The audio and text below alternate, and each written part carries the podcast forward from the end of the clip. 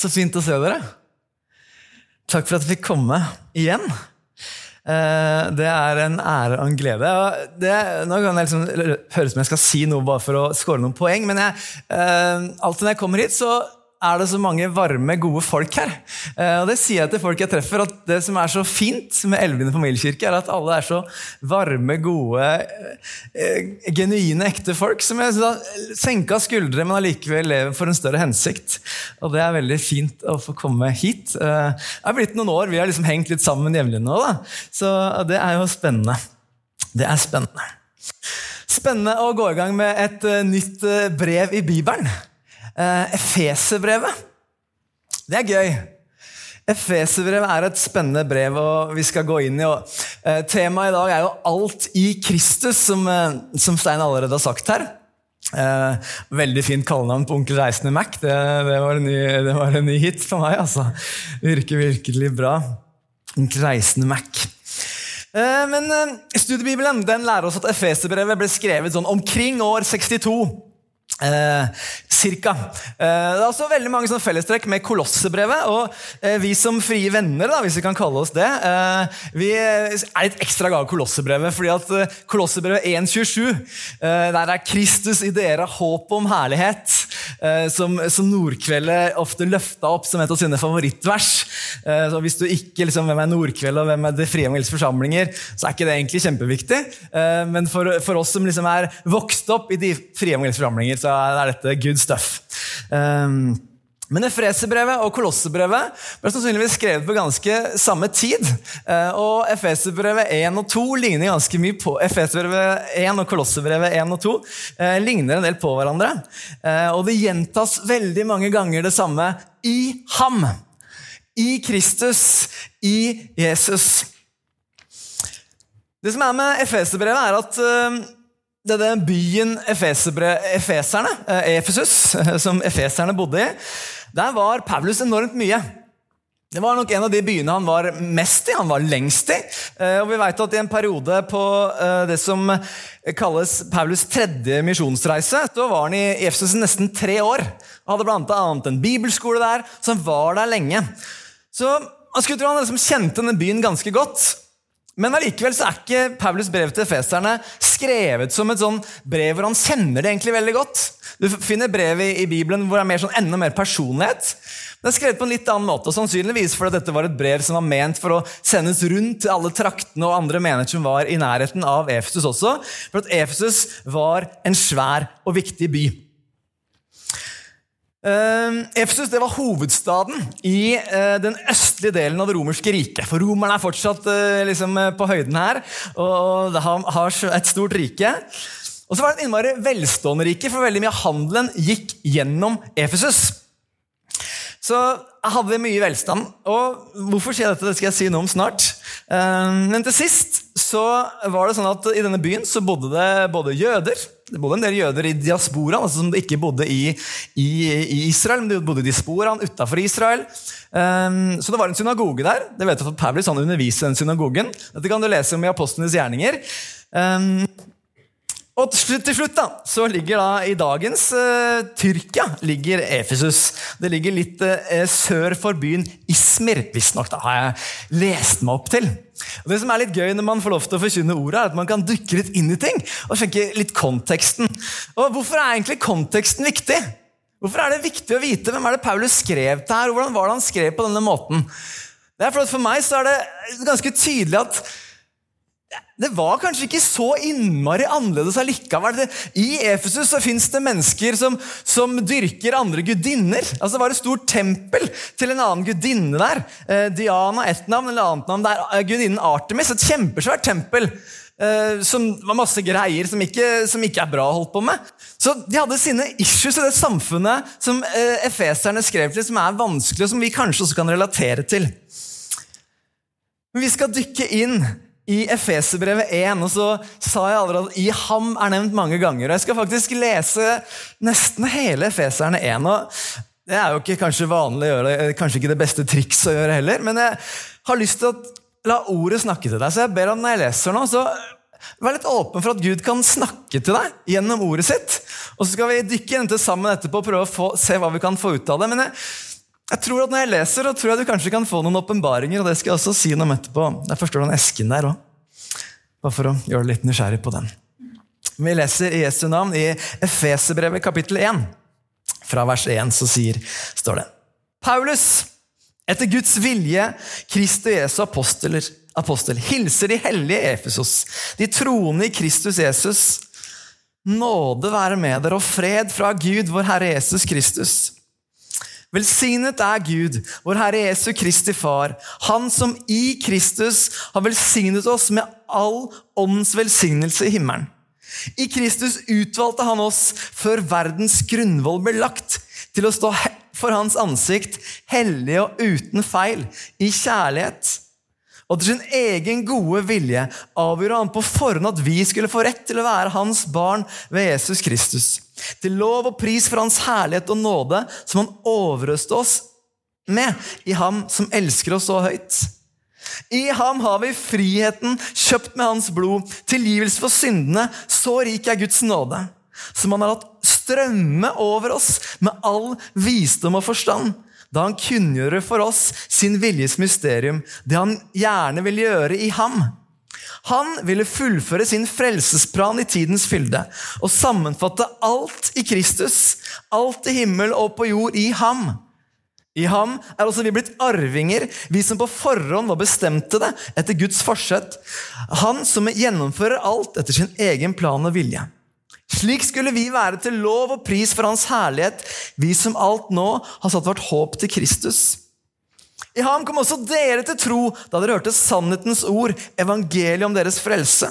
I ham ble dere merket med seilet, Den hellige ånd som var lovet oss. Han som er pantet på vår arv, inntil Guds eget folk blir satt fri til lov og pris for hans herlighet. Derfor holder jeg ikke opp med å takke Gud for dere når jeg husker på dere i mine bønner.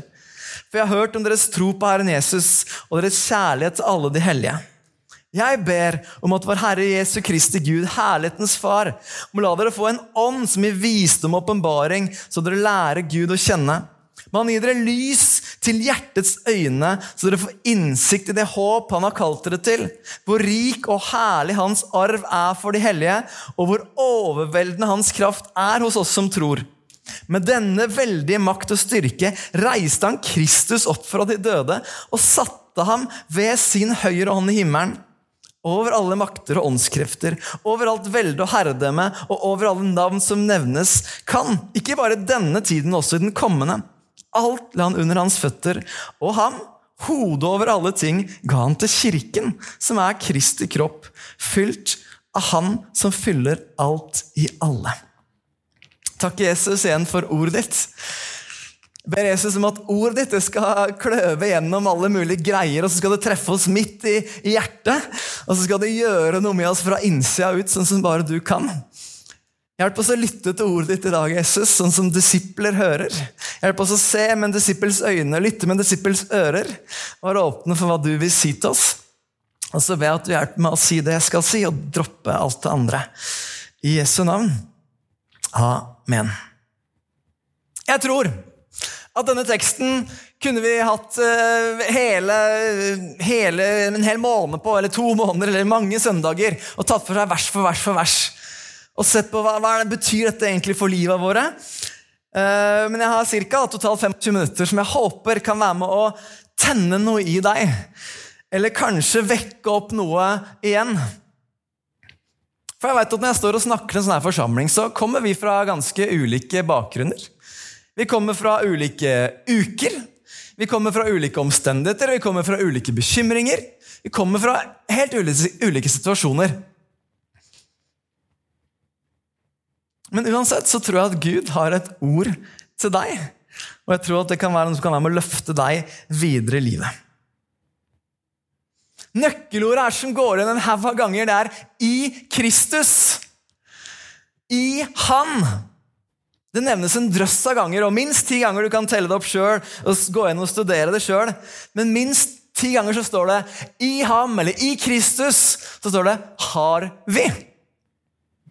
I Kristus har vi.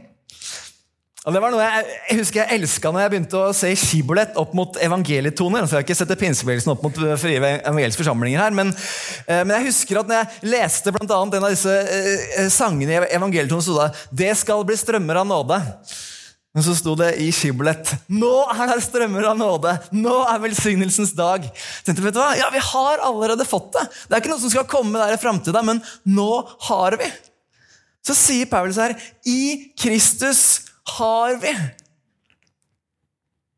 Tenk på det. Veldig ofte så tror jeg du og jeg glemmer hva vi allerede har. Og så søker vi noe nytt, eller så går vi kanskje på butikken og skal du ha en oppskrift og fikse noe greier, så i stedet for å sjekke hva du har i skapet hjemme, så går du og kjøper på butikken alt som står på lista di. I stedet for å sjekke hva du allerede har. Men i Kristus så har vi. Og hva er det vi har i Han? Jeg tror ikke i dag så kommer jeg til å gi deg noe, noe verdensmesterskap i, i, god undervisning, men jeg håper at vi sammen kan få se hva Skriften sier. At vi kan åpne øynene våre for hva vi har i Jesus Kristus, hva han allerede har gitt oss. Og så begynner det i vers 3. Der står det I Kristus har han velsignet oss med all åndens velsignelse i himmelen. All åndens velsignelse i himmelen. Hva er egentlig det? All åndens velsignelse høres jo veldig flott ut. Vi er velsigna med all åndens velsignelse. Men jeg tror i hvert fall en del av de tingene som er åndens velsignelse, det er de som kommer i de følgende versa som vi skal lese, se på sammen, og som vi allerede har lest. I vers 4 så står det I Kristus er vi utvalgt til å stå hellige og uten feil for Gud. Smatt litt på det ordet der. I Kristus så er du utvalgt til å stå hellig og uten feil foran Gud. I Kristus er du utvalgt til å stå hellig og uten feil.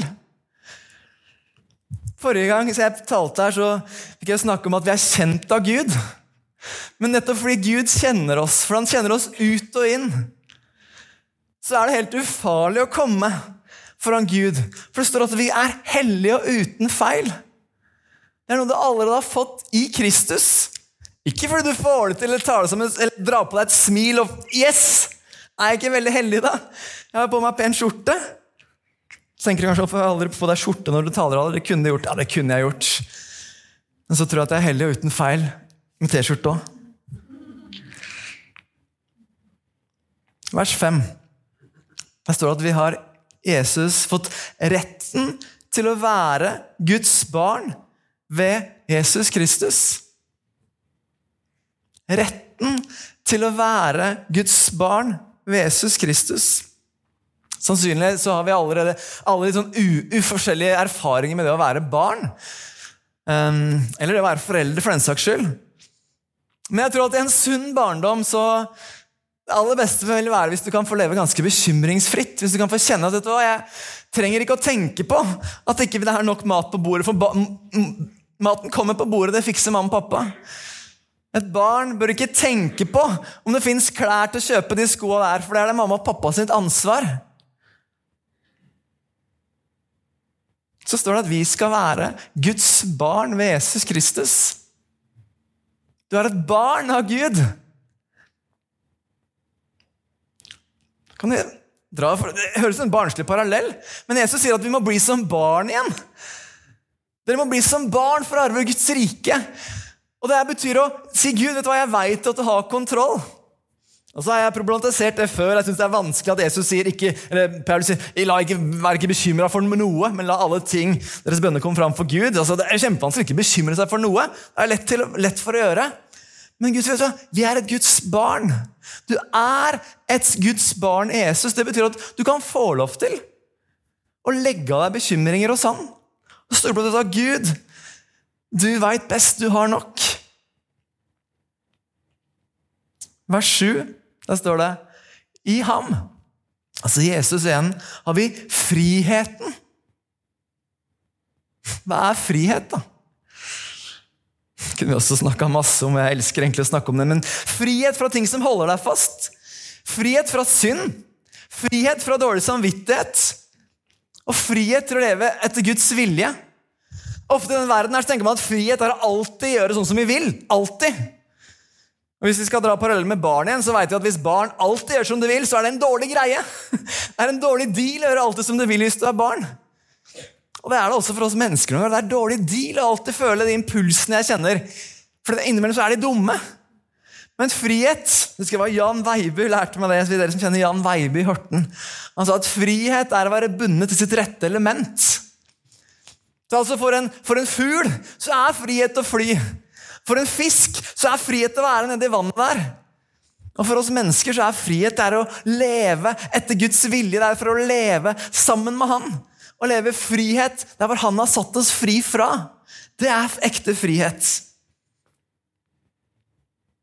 Vers 7 så står det videre I ham har vi tilgivelse fra syndene. I ham har vi tilgivelse fra syndene. Så du er allerede tilgitt. Det er ingenting lenger som skiller deg og meg fra Gud. Arild, det er banalt, Arild. Jeg, jeg tror jeg trenger å minne deg om det i dag. Jeg tror noen av dere trenger å høre vet Du hva? Du er tilgitt!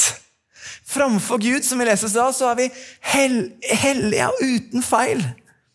Vi er tilgitt i Jesus Kristus. Vers 11 så står det i ham er vi arvinger vi er arvinger i Jesus fordi vi er barn av Gud. Det betyr at vi er arvinger av Gud. da. For altså Vi skal arve Guds rike. Men også som barn så tror jeg det også kan bety at vi kan arve noe av Guds karakter. At vi alle kan speile noe av hvem Gud er, hvem han er rundt oss. Som noen sa her i stad, at det vi skal gjøre her i verden, er jo å være så salt. At vi kan være salt. Hva er det saltet gjør? Den gjør jorda bedre. At fordi du er Guds barn og Guds arving, så kan du bære noe av Guds DNA, noe av Guds karakter rundt omkring i verden. Er det noe man gjør for å ta seg sammen? Nei. Fordi du er arving. For du kan ligne på pappa Gud fordi du er hans barn. Vers 13. I ham har dere fått Den hellige ånd. Så står det at det er pantet på hvert arv. I ham ble dere merket med et seil, står det her. Hva betyr et pant på en arv? Det betyr at det er beviset på noe du faktisk skal arve. Så tror jeg at alle som tar imot Jesus, vi får Den hellige ånd på innsida. Og Så står det masse om åndens gaver som vi kan også få i tillegg til dette. som kan komme i tillegg. Det er en helt annen søndag som helt sikkert kommer. Men vet du hva? Du har i Jesus Kristus fått Den hellige ånd på innsida. Det betyr at du uansett hvordan du har det, uansett hvor du er, så kan du vite at han er nær. Så han nær deg med sin hellige ånd. Så er han til stede i han. Ikke fordi du tar deg sammen, men fordi du har fått i Jesus Kristus.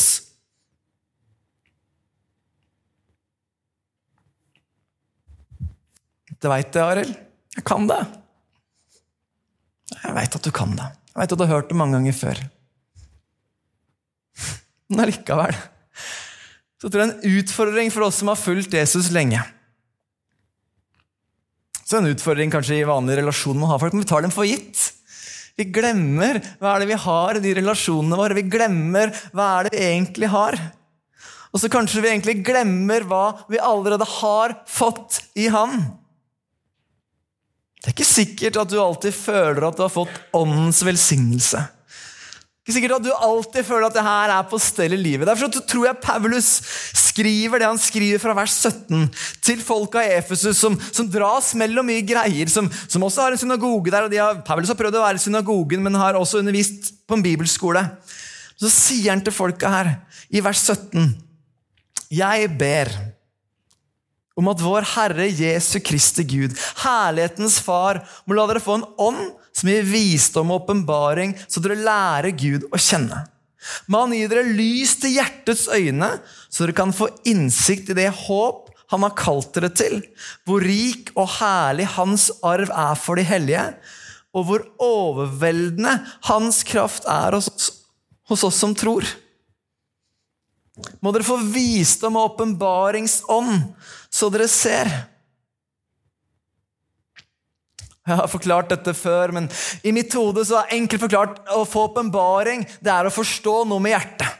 Fordi Vi kristne vi kan jo vite at Gud elsker oss, vi kan vite dette og vi kan vite dette.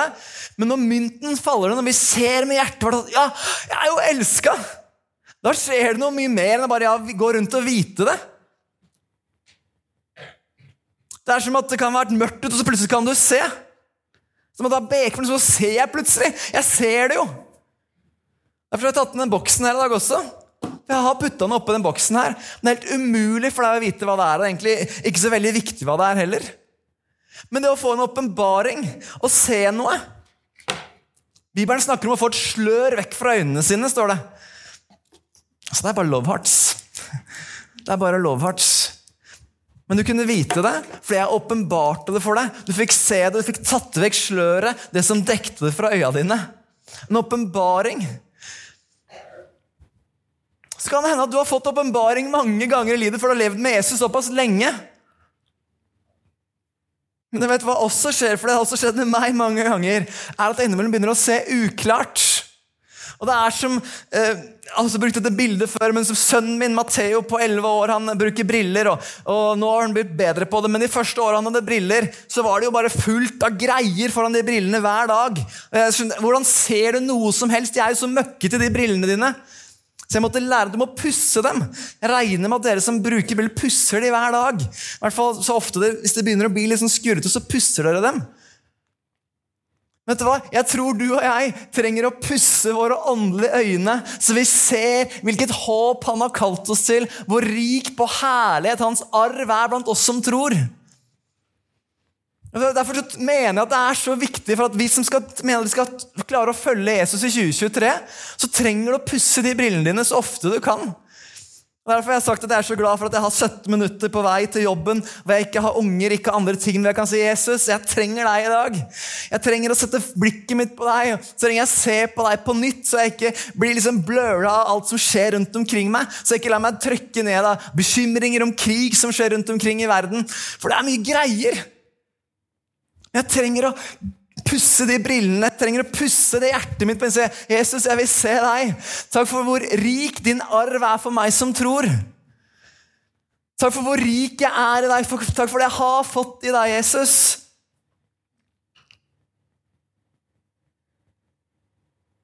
Jeg trenger en ny åpenbaring igjen og igjen og igjen for å se det så tror jeg det er en fare noen ganger med å lese sånne bibeltekster her hvor det står at den samme kraften som reiste Jesus opp fra døde, den bor i oss. Og Det er jo det er nesten sånn at vi ikke klarer å, å ta det inn over oss. Det er nesten helt umulig å ta det inn over seg. Den kraften som reiste Jesus opp fra de døde, den bor inni oss. Og vet du hva? Ja, jeg drømmer om at vi skal få se mer helbredelser i menighetene våre. Jeg drømmer om at vi skal få se mer, mer overnaturlige ting skje. Men vet du hva? Det at noen mennesker går fra død til liv, at de tar imot Jesus Når noen skal døpe, la seg døpe her om noen uker, så er det et fantastisk mirakel som også skjer. Jeg har lyst til helt til slutt, Før vi slutter, så har jeg lyst til å dra fram en historie som du kanskje har hørt før, men som jeg mener er så kraftfull. Som ikke handler om et mirakel, men det handler om hva Gud gjør, kan gjøre i livet våre når vi får sørge for å ha øynene festa på Han i alle mulige omstendigheter av livene våre. I Chicago i 1871 så var det en kjempestor bybrann. Uh, og den brant ned jeg tror omtrent en tredjedel av Chicago. Kjempestor brann nå. I denne byen så bodde mannen Haratio Spafford. og Mange har kanskje hørt om han før. Også.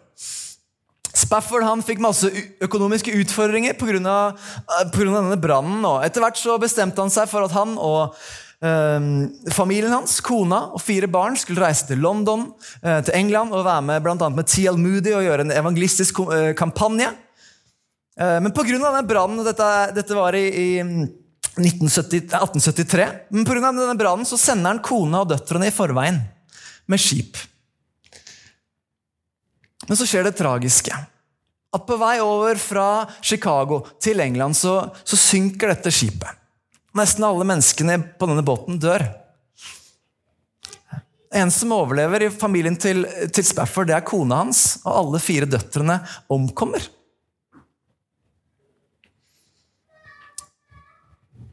Han får et brev fra kona, 'Saved Alone'. Den eneste som Alle døtrene hans dør. og Spafford han skal reise til England og spør kapteinen sin kaptein, kan du fortelle meg hvor døtrene mine døde. Kan du si meg hva som skjedde? Hvor det her skjedde? Så kommer de dit, og så får han vite det. Der, når han er omtrent på dette stedet, så sier historien her der han skriver en av vår tids mest kjente salmer. It is well.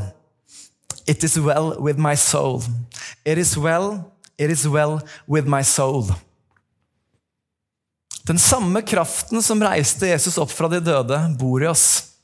Det var ikke noe fantastisk mirakel, egentlig. Men jeg mener at det er et mirakel å kunne si at vet du, It is well with my soul. Det er vel med sjelen min, midt i omstendigheter som, som ikke egentlig er tålige å bære. Så kan jeg si, vet du hva? Det er vel med mitt indre, fordi jeg har den samme kraften som reiste Jesus opp fra det. Den bor inni meg.